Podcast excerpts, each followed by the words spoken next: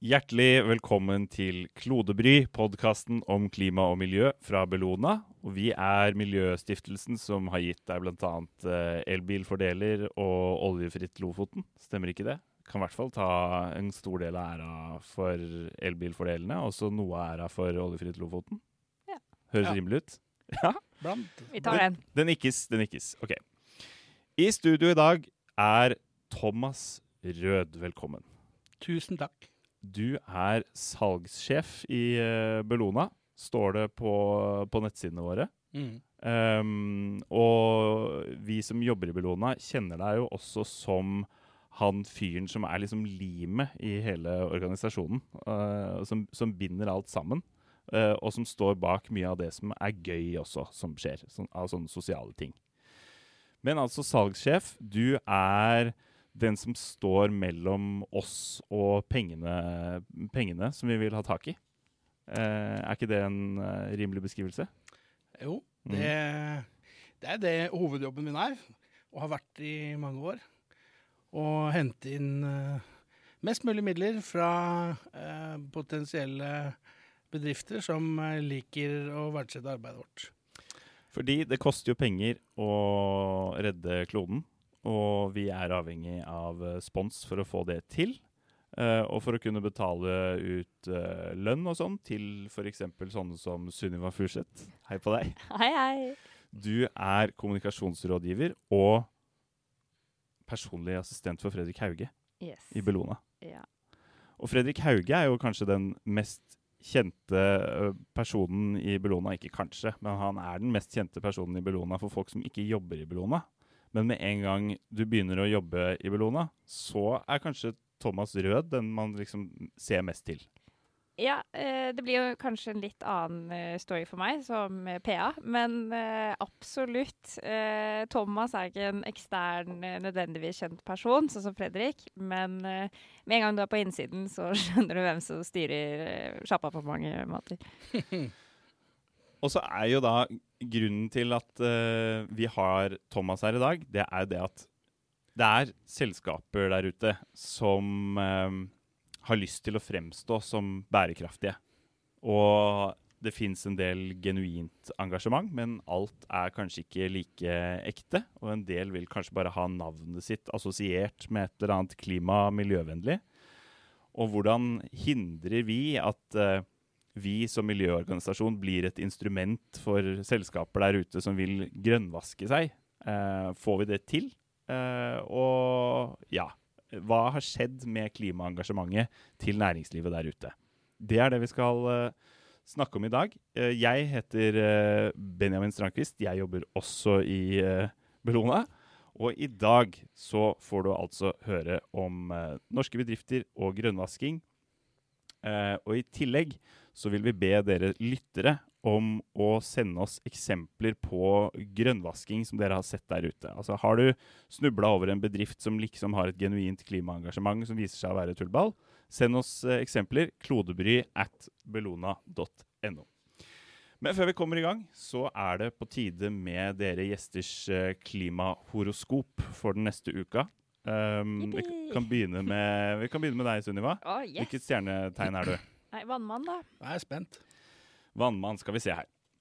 Hvis du sysler med design, design, klær, film eller bilder i arbeid eller som hobby, så kan du vente deg en kreativ dag. Du har dessuten mye å hente gjennom personlig kontakt og samarbeid.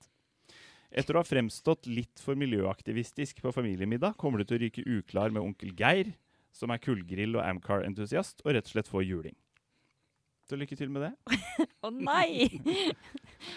Eh, Thomas, Ja. eh, har du et stjernetegn? Tvillingene. Tvillingene. Samme som meg. Kanskje er det en spesiell kulturell begivenhet som opptar deg. En tur på konsert eller utstilling burde i hvert fall være midt i blinken. Dette er dagen til å kombinere det avslappende og hyggelige med det lærerike.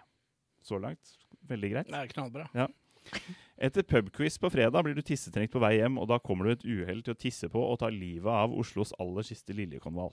Og det medfører ulykke de neste syv dagene. Ja. Så det var liljekonvall. Ja. Det er min favorittblomst. Ja. som jeg fikk min mor til å plukke ulovlig når jeg var konfirmant. Det her er, står skrevet i stjernene og Ja, så Tenk det. Og folk sier at horoskop er bullshit. Ja, det, det må jeg revurdere nå. Ja, Det er vanskelig å for det. det treffer så okay. godt. Nei, men eh, det blir spennende. human influence has warmed the atmosphere, ocean, and the land. A code red for humanity. How dare you! Climate change is here now. Store nedbørsmengder har ført til flom. Må være ærlig. Global oppvarming er en avgjørende årsak.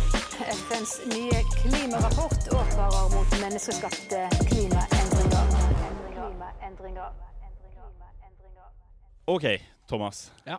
Uh, vi må jo få introdusert deg litt mer. Um, du har en relativt lang historie i Bellona. En, Mm. av de, en av de lengre. Hvor lenge er det du har jobbet i organisasjonen? Jeg begynte i Bellona i januar 2004. Og det er vel da røftlig 18 år, eh, tror jeg det har blitt.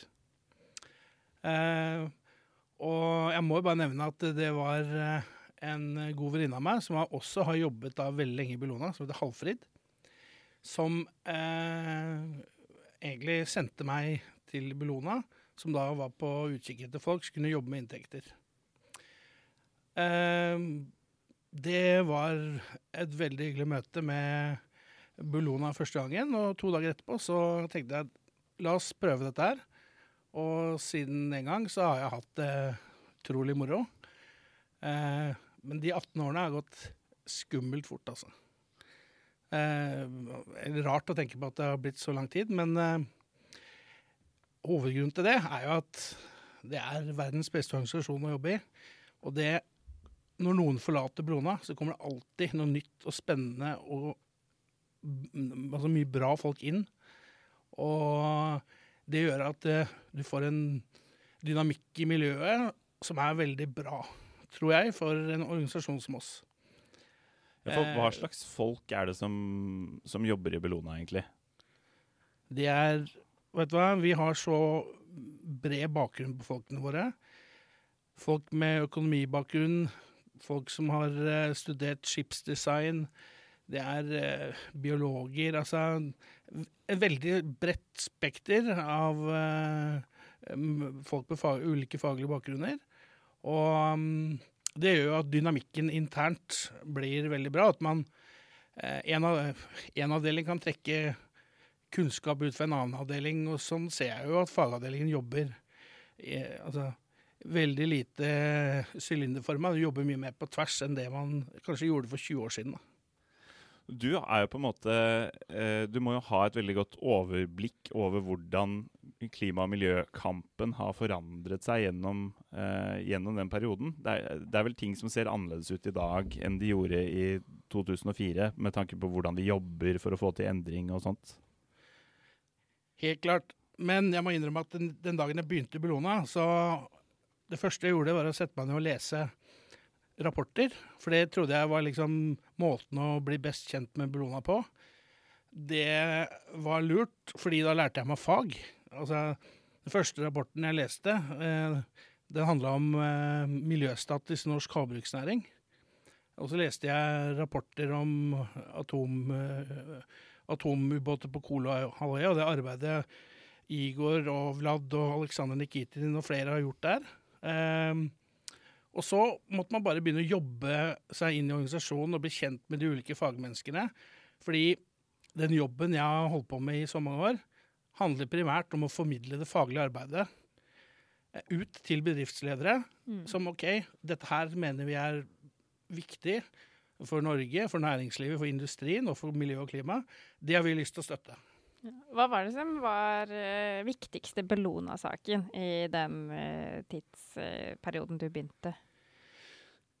Altså Jeg må jo si at eh, det var jo fortsatt en Det var jo en del år etter Nikitin-saken, men det, vi hadde jo en veldig Nikitin-saken, altså Hvis vi nevner en referanse, så må vi forklare eh, En sånn referanse så må vi nesten forklare sånn, i veldig korte trekk hva det er. Ja. Det er altså en fyr som jobber for Bellona i dag, men er eh, tidligere russisk marinekaptein. Som har vært helt sånn instrumentell i vårt arbeid med radioaktivt avfall i Russland. Ja, og som ble Ja. arrestert av den gang eh, KGB Mm. eh, for spionasje, og ble etter veldig mange runder i retten frikjent på alle tiltalepunktene. Eh, sånn, det var veldig kort eh, oppsummert. Ja. Jeg tror vi, vi Mm. har en lengre utgave i en annen podkastepisode, så folk kan gå og høre langversjonen hvis de vil. Ja. Ja, Det ble en stor stor internasjonal rettssak som da eh, ble ferdig tidlig 2000-tall. Og så var det fortsatt viktig da du begynte i Bellona. Men eh, hvilke andre temaer var viktige? Bellona var veldig tidlig ute med fangst og jobbe for fangst og lagring av CO2, CCS. Eh, Veldig tidlig. Men i den perioden eh, når jeg begynte i Bellona, så blei det viktigere og viktigere og viktigere. Eh, når vi dro på oljemessa i Stavanger eh, og snakket om dette her, så var det for mange i oljebransjen eh, veldig nytt. Eh, det var nytt for mange.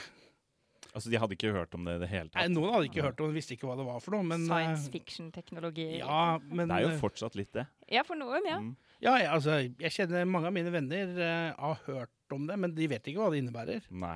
Og Og det, det forstår jeg, for at nå- det er jo teknisk uh, Teknisk uh, Det mye teknisk rundt det, da. Mm. Ja. Det er kjemi, og det er teknikk. ja. Og det er jo først nå at det faktisk setter, At vi faktisk setter i gang og bygger anlegg i, i Norge. Så Det det har har tatt tatt litt tid. Absolutt. Men så ja, eh, det var ting som på en måte var i prosess allerede i 2004 som vi fortsatt driver med. Eh, så det er mye som krever standhaftighet eh, og langsiktig jobbing, da. Benjamin, veldig mye av det vi jobber med i dag, har vi jobba med i 20-25-30 år. Mm. Elbil.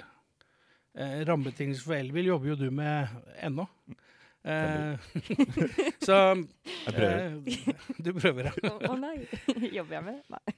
Så, um, men så dukker det opp eh, nye ting, selvfølgelig. Um, karbonnegativ, å jobbe for karbonnegative løsninger. Det er mer sånn, det har kommet eh, kanskje mer de siste ti årene enn Jeg tror ikke så mange snakket om det for eh, 20-25 år siden. Nei, altså løsninger hvor man rett og slett skal gå i minus på at Man skal ta CO2 ut av atmosfæren. Mm. Nemlig. Én ting som, som slår meg når jeg skal tenke eh, 2004 Ikke at jeg jobba i eh, Bellona da, det gjorde jeg absolutt ikke, men jeg har lest noen gamle magasiner. Mm. Eh, Bellona-magasiner? Bellona-magasiner, ja. Og da var det et magasin fra sånn rundt 2004, mener jeg det var, med en helsides annonse for BMW dieselbil. Eh, som, hvor det da ble annonsert med BMW clean diesel. Og det sier i hvert fall noe om, apropos elbil, da, eh, hva som har skjedd på den fronten. Fordi at eh, rundt den tiden så var det fokus på drivstoff, altså uh, utslipp per kilometer, stort sett. Fordi biler gikk jo i all hovedsak på flytende drivstoff. Mm. Og da var jo diesel et uh, drivstoff som gikk an å brenne mer effektivt enn bensin. Så det ble liksom ansett for å være et miljøvennlig valg i den perioden. Mm. Bare korrigere deg litt, fordi det var jeg som solgte den annonsen til BMW. Eh, og det var ikke i Bellona Magasin, det var i et uh, jubileumsmagasin vi hadde. Okay. Eh, Bellona-magasinet ble lagt ned i 1999. Men det er helt klart, diesel var eh, populært blant politikerne en periode. Det skulle være det miljøvennlige alternativet. Nordmenn dro og handla seg dieselbil, og så går det en periode, og så skal man ikke kjøre dieselbil allikevel. Ja, De fant ut at det hadde noe litt kjipe partikler og, og sånne ting, som, eh, som også var en, en greie, ikke bare CO2. Ja. Så um, Nei, det, vi kom inn på riktig spor etter hvert. Men en ting som vel ikke har forandret seg siden 2004, er at vi trenger penger for å gjøre den jobben vi skal gjøre. Og hva er det den jobben består i? Å rett og slett få midler til eh, å gjøre arbeidet vårt. Altså, inntektsarbeidet i Bellona er litt sånn delt på forskjellige grener. Um, må bare si at uh, vi er jo en miljøstiftelse som uh, får veldig lite offentlig støtte i form av uh, driftsstøtte. Jeg tror det er snaut million kroner vi får i 2022. Ok, Av hvor mye mm, Hva er budsjettet vårt? Eh, Ca. 40 millioner kroner. Ja. Vi har hatt eh, år hvor budsjettet vårt har vært oppe i 58-59 millioner. Eh, men av de pengene så er det veldig lite offentlige penger. Eh, vi søker jo prosjektstøtte, og har jo også nå internasjonal funding gjennom eh, Children's Investment Fund, og må også gå ut av Norge for å finansiere aktivitetene våre. Eh, men i mange år så har Bellona spurt næringslivet om å støtte det faglige arbeidet, og det har de virkelig gjort. Eh, pengene kommer ikke av seg sjøl, altså vi må jobbe hardt for dem, men eh, eh, det er mange industribedrifter der ute som forstår hva vi driver med, og som ønsker å bidra til at vi skal kunne være slagkraftige. Da. Og at vi skal ha en god fagstab som eh, leverer resultater over tid. Og skal du ha flinke folk, så må du også betale dem en lønn som gjør at de kan eh, leve og kunne jobbe hos oss. Men mistenker vi noen gang at de som kommer og vil støtte oss, bare har et eh, ønske om å grønnvaske bedriften sin? Ikke i dag. Det er veldig sjelden jeg opplever. Eh, men det var mer av det eh, si på 80- og 90-tallet. Så tror jeg eh, mange bedrifter tenker ok, vi, vi gir en sum til Bellona eller andre miljøorganisasjoner, og så trekker vi litt på skuldrene og får litt god samvittighet av det. Men eh, eh, Bellona lar seg ikke påvirke av hvor pengene kommer fra. Og det er veldig viktig. fordi hvis vi hadde latt oss påvirke av eh, pengestrømmen, så ville vi mista integriteten vår. Eh, samtidig så har vi bestemt oss for å ha en aktiv dialog med næringslivet og industrien. Samarbeider heller enn å sitte på gjerdet og, og bare peke på problemene, og ikke peke på løsningene. Det er på en måte grunn, grunnsteinen i hvordan vårt forhold til omverdenen er. Da. Og det er i næringslivet og industrien endringene skjer. Og så må vi sammen jobbe for å skape de rammebetingelsene og den politikken som skal til. da. Det er så spennende å høre på eh, deg når du snakker om eh, altså, 18 år i denne organisasjonen. I 2004 så var ikke det så klart for meg at vi hadde Det var kanskje da jeg lærte om global oppvarming, og så ble det på en måte et økende problem da, de neste årene, og lærte mer på skolen. Og så, altså, eh, nå snakker vi om store klimaløsninger Mm. som skal eh, nå ta oss med, og så vi når målene i Parisavtalen. Men i 2004 så var det altså Tenk å snakke om Hva var vi på da? Var det som Ja. ozonlaget og sur nedbør, eller var vi, ferdig med det? vi hadde på en måte eh, løst på en måte problemet med ozonlaget ved å forby eh, eh, KFK-gasser, var det det? Ja, riktig. Ja. For det bare løste seg eh, Veldig fort. Ja. Man jobba internasjonalt. Dette her må vi bare sette en stopper for. Og det er litt sånn, hvorfor klarer vi det ikke nå?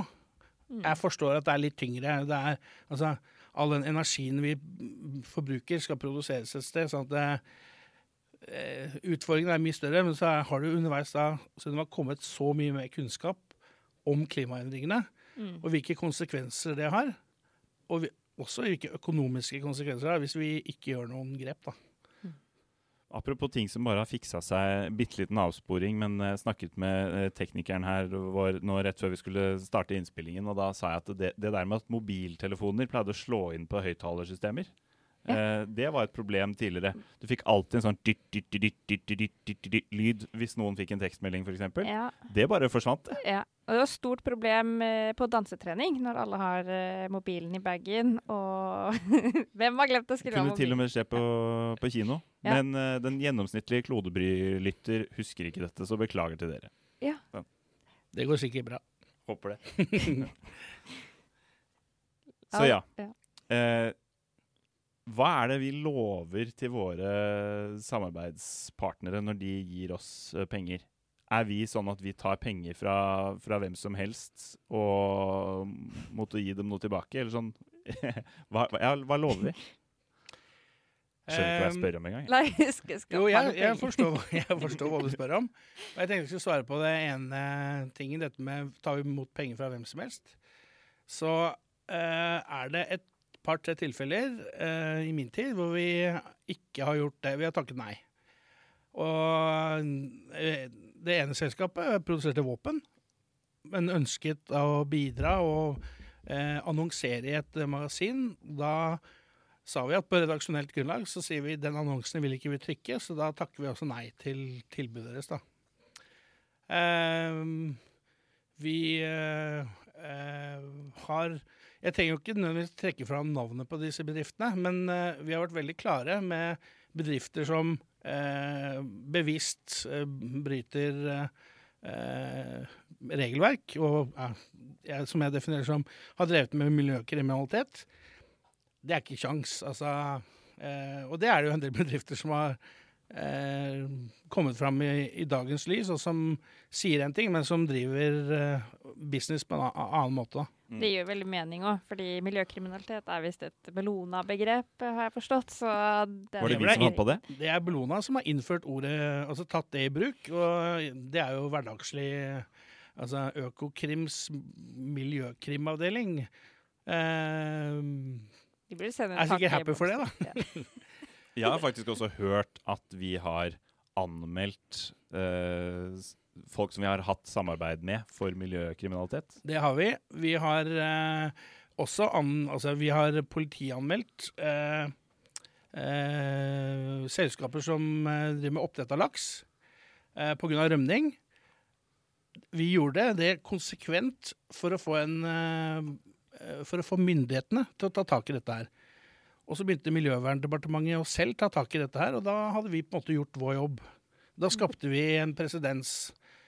Eh, vi har hatt samarbeidspartner som eh, eh, dumpa avfall Jeg trenger jo ikke gå inn på akkurat hvor det var, men dumpa ulovlig avfall i havet, i sjøen. Da dro vedkommende, som var faglig ansvarlig for denne avtalen, opp til selskapet og revesikre den samarbeidsavtalen. Altså, det var på en måte brudd på alt.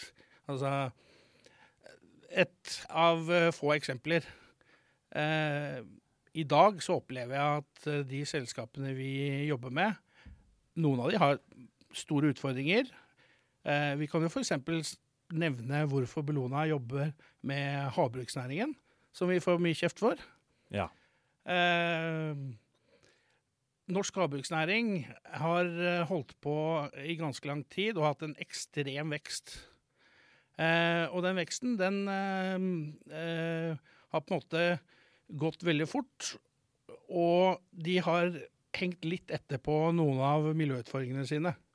Eh, Bellona har i mange år jobbet for å finne svarene på de utfordringene. Her snakker vi også om at uh, fôret som man gir til fiskene, har et uh, høyt klimafotavtrykk. Det er slamproblematikk fra når fisken bæsjer i vannet. Fisk som rømmer, Fisk som rømmer, lus. lakselus Yes. Um, det er Og mye bruk av diesel i produksjonen. Ja, og så har det med miljøkvalitet i områdene uh, disse anleggene ligger. Mm. Um, Og vi har fått kjeft for å jobbe med dem. vi har fått masse kjeft, og det får vi ennå av uh, både kjente og ukjente stemmer. Uh, fordi vi de, de hevder at vi går, da går for en, eh, en, eh, en industri. Eh, vårt syn er at eh, eh, norsk havbruksnæring blir ikke lagt ned fordi den har miljøproblemer. Da er det vår jobb å pushe det i riktig retning hele tiden. Eh, og da er det sånn at noen selskaper jobber vi med, og um, har gjennom em, en del år fått til ganske mye bra. Eh, bransjen har eh, løst noen av sine utfordringer, og så er det noen ting de på en måte har pusha litt foran seg. Og da har du Bellona som på en måte har vært ganske gode på å sette eh, ting på dagsorden. Nå jobber jo med fôr, som Benjamin nevnte. Det at laksen flys eh, til Asia, eh, på fly selvfølgelig, da. det er også noe vi pusher de på å finne alternative løsninger på få fisken ut til sine kunder på en annen måte, som gjør at du, eh, fisken får et annet fotavtrykk. Føler du at du kan si med hånden på hjertet at ikke vi, vi hjelper ikke havbruksnæringen eller lakseoppdretterne å grønnvaske seg selv? Jeg syns ikke Bellona er med på å grønnvaske eh, eh, havbruksnæringen i det hele tatt. Nei. Eh, det er fordi jeg kjenner de prosjektene vi er involvert i. Jeg vet at vi er ganske standhaftige. Altså, vi er masse uenige, men det er jo ikke ulovlig å være uenige om ting. Eh, og det er ikke alt vi har fått gjennomslag for sånn rent politisk. Men vi har da fått et trafikklyssystem eh, som regulerer på en måte veksten i havbruksnæringen. Kanskje ikke det hadde vært på plass da, hvis ikke organisasjoner som Bellona hadde pusha på myndighetene.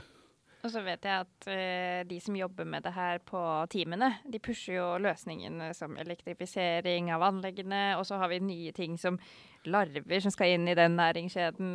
Altså innovasjon med taredyrking, og det er så mye uh, vi kan uh, bidra med, da. Altså, vi er Norges største tareprodusent sammen med Lerøy gjennom Ocean Forest. Produserer 300, 300 av 400 tonn sukkertare. Det er jeg dritstolt av. Kjempegøy. Eh, og det kan jo være framtidens eh, eh, altså, Fiskefôr, for eksempel. Brukes i fiskefôr. I dag så brukes det jo i eh, dyrefôr for å redusere metangassutslippene i kumagen. Mm. Så at, eh, eh, det er mye kule prosjekter. Vi har satt elektrifisering på dagsorden. Eh, det er ikke mange år tilbake vi reiste landet rundt og presenterte Bellona ABB sitt studie om potensialet å elektrifisere havbruksnæringa. Siden den gangen så er det ganske mange anlegg som har blitt elektrifisert. Jeg tror noe av den eh, æren skal vi ta, sammen med ABB og andre som har vært med på det. Og dette jobber jo jeg direkte med, så da kan jeg også uh, skyte inn at i den delen av øh, det havbruksarbeidet, så handler det jo om å finne, og som jo i mange andre ting vi driver med, handler om å finne selskaper som har et ønske om å gå foran, og jobbe sammen med dem for å utvikle en eller annen løsning. Og da har vi både en løsning, og vi har en aktør som sier at noe er Som viser at noe er mulig å få til. Og da kan man bruke det til å si at hvis én aktør kan få til dette, så kan vi alle gjøre dette. Da kan vi gjøre det til en ny bransjestandard, hvis vi finner en bedre måte å gjøre noe på, f.eks. Mm. Best of practice. Yes. Og så ta det internasjonalt, den nye praksisen via Brussel-kontoret vårt, og så har vi satt en ny internasjonal standard for hele Ja. Det er kult. Ja, det er eh, Altså, vi kunne jo hatt eh, Vi kunne jo hatt doble antall ansatte, for det er nok å gjøre. Altså, da kunne vi doble, jobba med dobbelt så mange prosjekter. Så det er liksom sakene Det mangler ikke på saker å jobbe med. Og det er jo litt av eh, utfordringen min, da, å være med og bidra til at vi eh, har en økonomi som gjør at vi kan gjøre den jobben eh, som ligger på en måte i våre prosjektplaner. Kanskje vokse litt, grann, få noen flere ansatte inn eh, hvert eneste år. Eh, og jeg må bare nevne at det, noe av de pengene vi liker aller best, det er jo de frie midlene.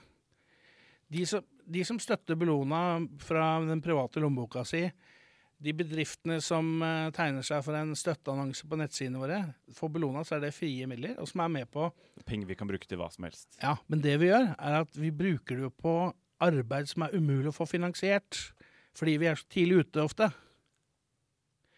Det er eh, ingen som eh, finansierer Bellonas arbeid mot oljeboring i nord. Så de, men de pengene må vi hente et eller annet sted, og så er det mange, mange bra folk der ute som har sørga for at vi kunne holde trykk på dette her. da. Du kan ikke ringe oljeindustrien og spørre om de vil støtte arbeidet vårt um, Mot mot oljeboring. i nord. det, um, da blir det ikke mange kronene. Men um, uh, så um, bare si Bellona er ingen rik organisasjon. Vi uh, jobber hardt for de pengene vi får inn. Um, men vi er veldig happy, og er også flinke til å bruke de pengene fornuftig. Det ser jeg. Vi har en ganske tight eh, måte å bruke penger på. Det er ikke mye Altså, andre bedrifter kan eh, sløse på både det ene og det andre. Det ser jeg aldri Ja. Bellona gjøre. Nei, det er lite sløsing i, i organisasjonen. Men eh, du har vært litt inne på det. Eh, hvordan, eh, hva er det liksom viktigste grunnen til at bedrifter og privatpersoner har lyst til å støtte akkurat Bellona? Det fins jo så mange gode formål der ute. Ja. Er vi så ekstra bra, vi da? Um, de som uh, følger litt med på hva vi gjør, de mener helt klart at vi er uh, de beste. Altså, vi er best i klassen. Nå skal ikke jeg være sånn kjepphøy Nei, Der fikk jeg premiere på lille eh, jingle-tablået mitt. Eh, vi har, eh, altså, det er episode nummer 20 i dag, og beklager avbrytelsen. Det går så men nå, nå passet det utrolig bra. Eh, i, I dag har vi fått et lite miksebord med ferdiginnspilte lyder, sånn at når noen sier noe bra, Oi, så har vi den muligheten. det er, Rett og slett en jinglepad, er det det det heter? Det på er det det heter. Så det er, det er episode nummer 20, det er jubileum. Da er det vår eh, lille presang. Klodebit er et, eh, et nytt steg. Et kvantesprang videre. Ja. Hvor var vi? Det er gøy. Nei, vi lurte jo litt på hvorfor akkurat bedrifter har lyst til å støtte Bellona, når det er så mange andre Ja, stemmer. man kan Mm.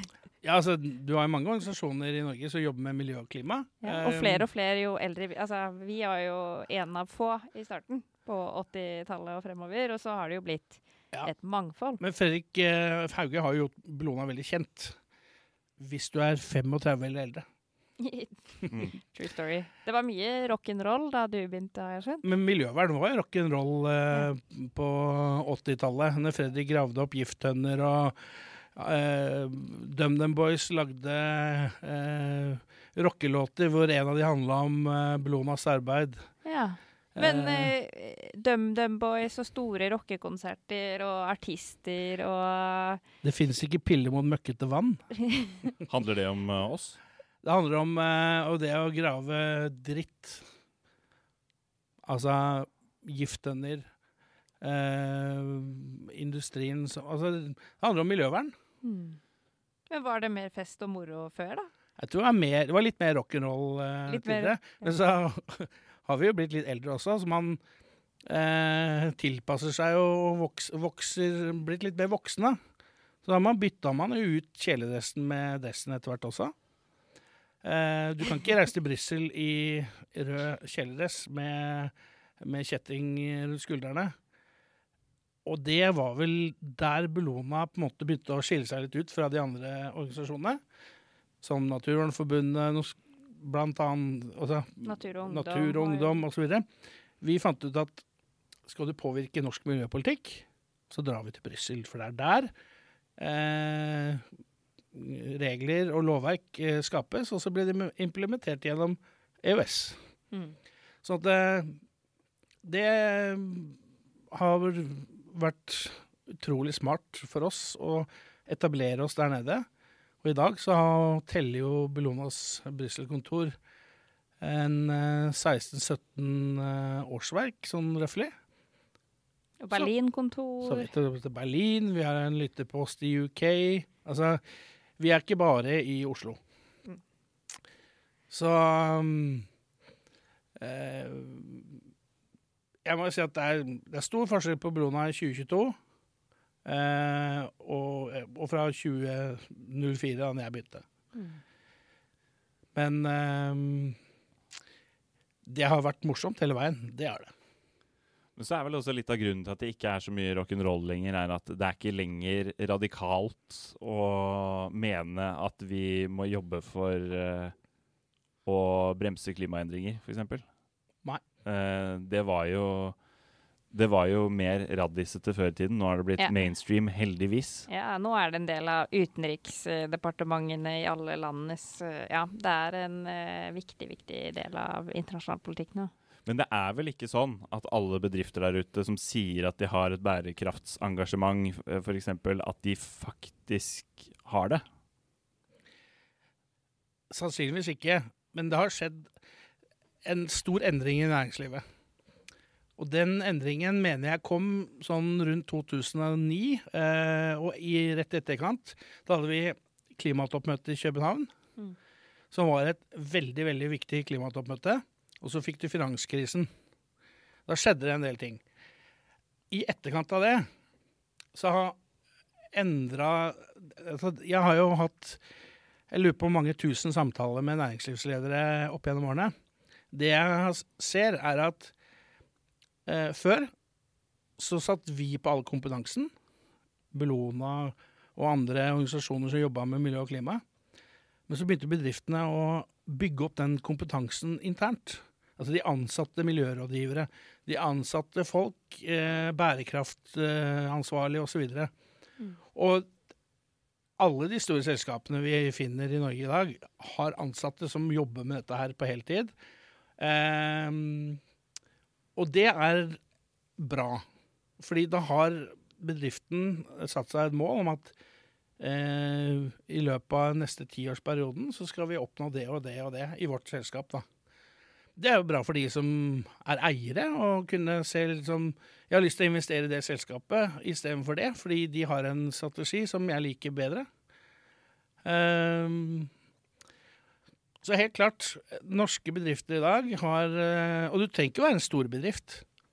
Det kan være en bedrift med 20-30 ansatte, og så har eh, de ansatte bestemt for at det, i vår bedrift så har vi lyst til å bytte ut kjøretøyparken vår de neste tre årene, sånn at eh, vi skal kjøre elektrisk, da. Eh, Du har et firma i Oslo som driver med vakttjenester. For åtte-ti år siden så hadde de byttet ut hele kjøretøyparken sin med diesel til elektrisk. Eh, GPS-styrte bilene hadde hele tiden kontroll på hvor mye strøm det var, og planla dette her sånn logistikkmessig knallbra. Og de var veldig tidlig ute. Så all honnør til sånne selskaper som så at vi kan være med å gjøre noe forskjell. Da. Du nevnte jo frie midler. Eh, midler som kommer fra privatpersoner eller selskaper som bare ønsker å gi en donasjon uten at det er noe samarbeid eller noe sånt noe som ligger bak. Og det er vel også pga. sånne midler at vi f.eks. kan engasjere oss i en sak som salget av Bolærne. Ja. Tidligere forsvarsanlegg. Eh, kan du bare gi et sånt eh, sånt, kort bakteppe for hva var den saken der for noe? Ja, det er en av de gøyale sakene jeg har vært med på, og, og på en måte en av de aksjonene jeg har fått være med på også. Um, saken var at eh, eh, Forsvaret skulle la ut Bolærene, som ligger utenfor Tønsberg og i ytre Oslofjord, ut for salg. Ja, det er en liten eh, øygruppe eh, ganske langt ute i skjærgården utenfor eh, Nøtterøy. Dette vet jeg. Det er en der perle. kommer jeg fra. Det er superfint der. Yes. Ja. Og de legger det ut for salg. Og hvem er det som eh, ønsker å kjøpe det? Jo, det er Smiths venner.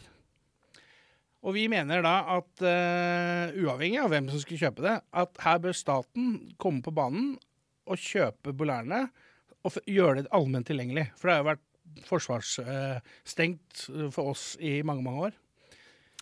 Det Ja, bor- altså Fun fact om uh, Bolærne. Det var på en utkikkspost der at man først oppdaget Blücher og de Ja. andre tyske skipene på vei inn Oslofjorden, og fikk gitt beskjed videre til Oscarsborg. Tjukkeste tåka. Mm.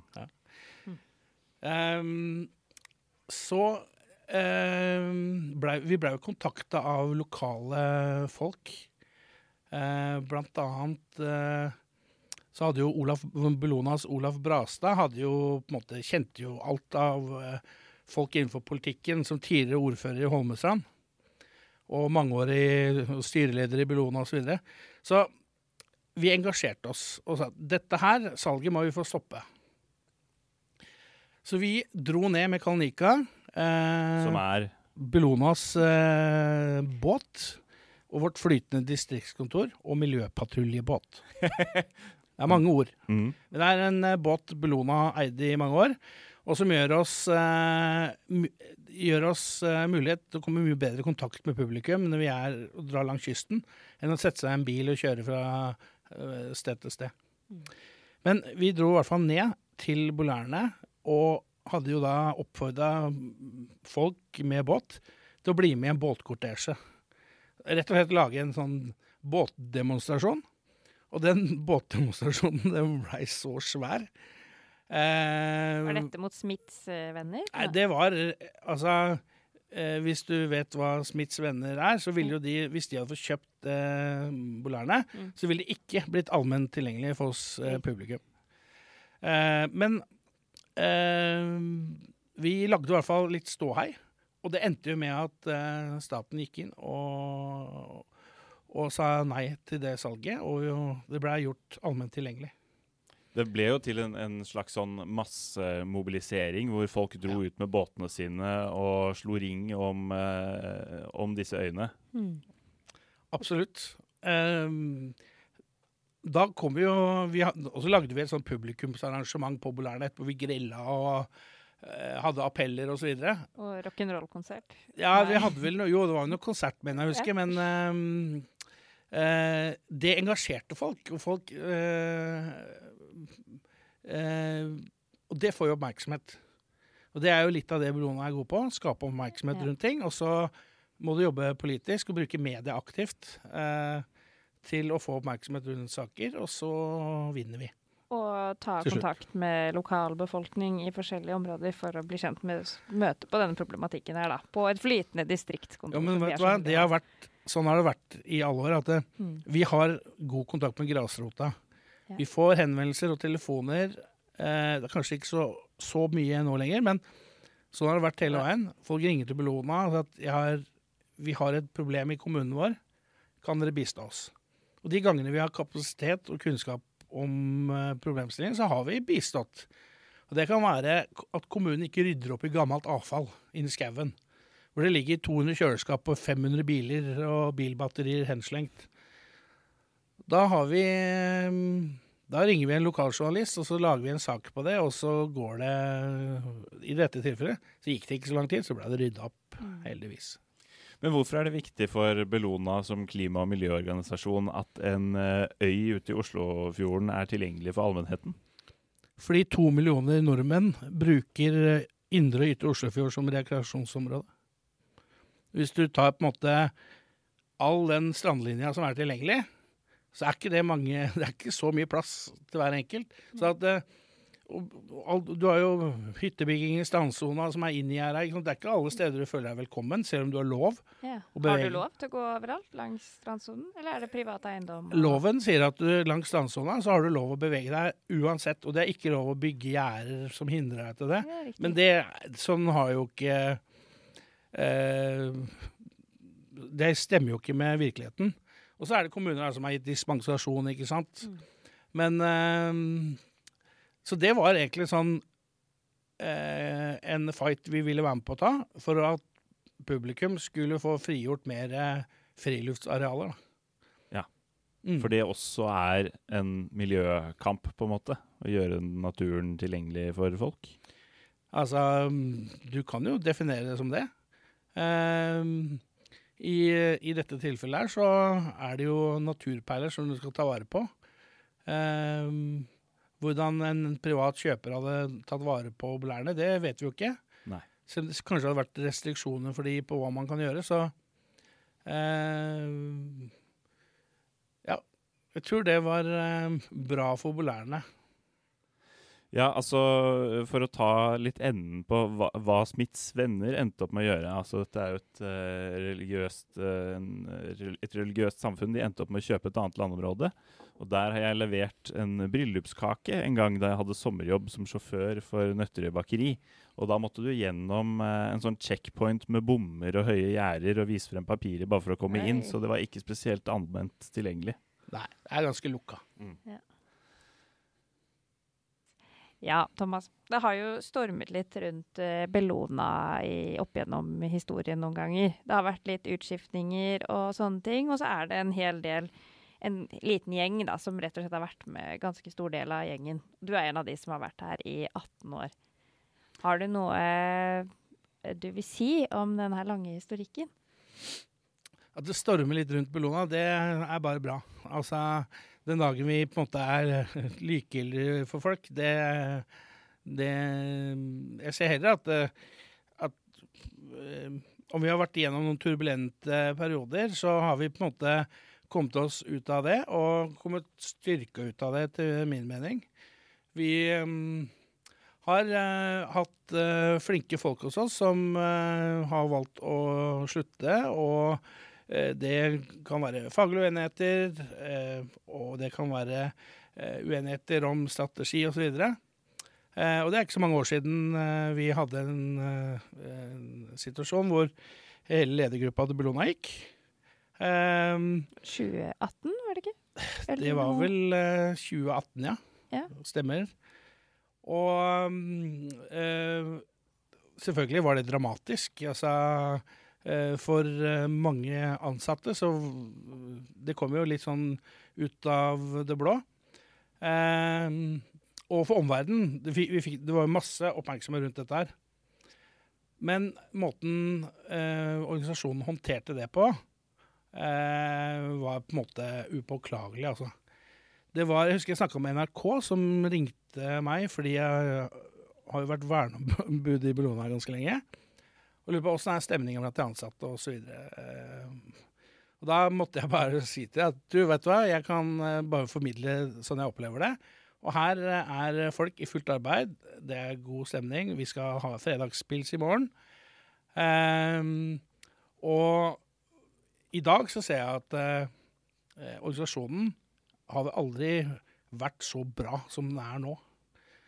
Med hvordan den er satt sammen. Og eh, det er så mye spennende som skjer eh, i 2022 og de årene som kommer nå, med aktiviteter utenfor Bellona, med eh, batteriarbeidet til Bellona osv. Det er eh, kjempespennende. Hvor tror du vi er om ti år, da? Da håper jeg at vi eh, er en del flere folk, for at vi er ikke ferdig med å løse klimautfordringene om ti år. Ehm, men vi er i hvert fall rigga nå for å eh, forhåpentligvis kunne eh, øke Altså vokse lite grann. Aktivitet og Øke aktiviteter, selvfølgelig, men da må vi også jobbe med finansiering, altså inntektsarbeidet vårt. Vi kan ikke ansette folk før vi har råd til å gi dem en lønn. Eh, og det jobber eh, Halstein, Skage, jeg, og Kristian og andre med å, styre. Nå bare name-dropper vi folk, men dette er altså ledelse og folk som skaffer inntekter. Ja, det er helt riktig. Og altså, det er ikke bare jeg som jobber med inntekter, det er jo et teamarbeid. Ja, ja, ja. Men eh, nei, jeg tror at vi om ti år eh, er mer viktig enn noen gang. Kanskje vi løser miljøkriminalitet i verdensrommet. det kan godt hende. Men som, som ansatt i Bellona så er jeg i hvert fall glad for at, uh, at med, hvis oppgavemengden øker, så øker også sponsorinntektene. Eller at det går sånn noenlunde hånd i hånd, sånn at ikke alle ender opp med å jobbe 250% stilling. Så der, der spiller jo de pengene som du klarer å få inn, en veldig viktig rolle, vil jeg si. Jeg er klar over det, og det er min evig dårlige samvittighet for at jeg ser at vi hele tiden har behov for mer. Ja. Eh, og det er fordi vi omsetter de pengene vi får, til faglig arbeid. Og jeg ser hvor hardt folk jobber, og hvor mye de jobber. Eh, og hvor i perioder pressa de er på å levere. Så mm, min hverdag eh, blir bedre av å hente inn mer penger, sånn at vi får gjort mer arbeid. Og at, eh, eh, at man eh, gjør det med høy kvalitet, da. Og ikke slite ut folk. Jeg vil i hvert fall si eh, takk for ditt bidrag som sosialt og økonomisk lim i organisasjonen. Og spesielt takk til at her vi sitter akkurat nå, dette podkaststudioet, eh, det at vi kan eh, spille inn uh, podkast, det er jo av midler som du har fått inn. Det stemmer kanskje? Ja. ja. Um, Applausknapp nå. Ah, der var det. Åh, jeg, har, jeg har ikke blitt varm nok i treet ennå. Eh, heldigvis ja. er det mange som har lyst til å Mange som vil at vi skal kunne lage podkast. så det ser jeg ikke grunn til at vi skal eh, holde på med lenge. Så sitter du der ute og har noe penger til overs og hører på denne podkasten, så send en e-post til thomas at bellona.no, da vel. Ja, jeg er tilgjengelig døgnet rundt. Så får vi ordna det. Og han er også veldig, veldig god på eh, telefon. Altså, man kan maile Thomas, men eh, telefon, det er ditt medium, og sikkert podkast òg. Kontaktinfo på Bellona sin nettside. Ja. Det er bare å ringe. Jeg elsker å snakke med folk. Ja.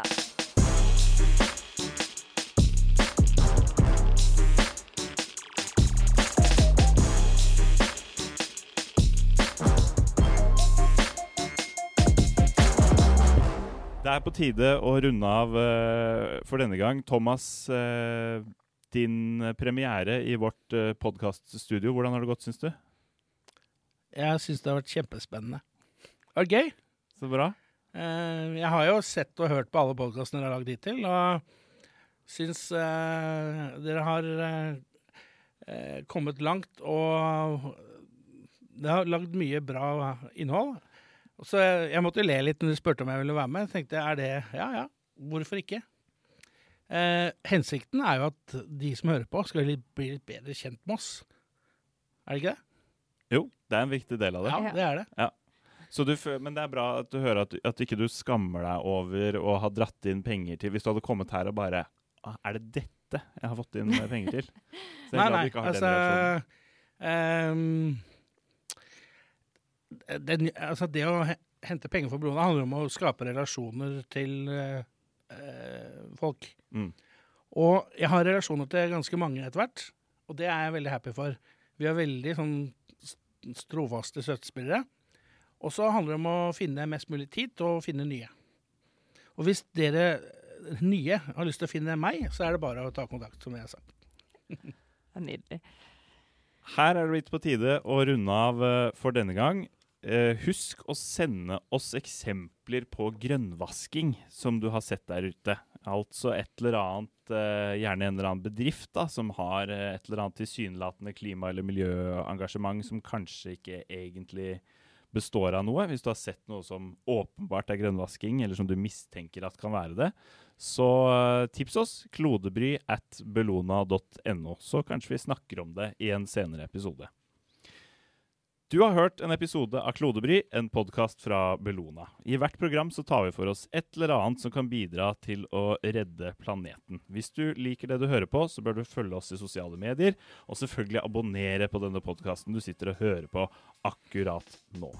Jeg heter Benjamin Strandquist, og denne episoden har blitt til med økonomisk bidrag fra Rana Gruber og Enova. Takk for det, Thomas.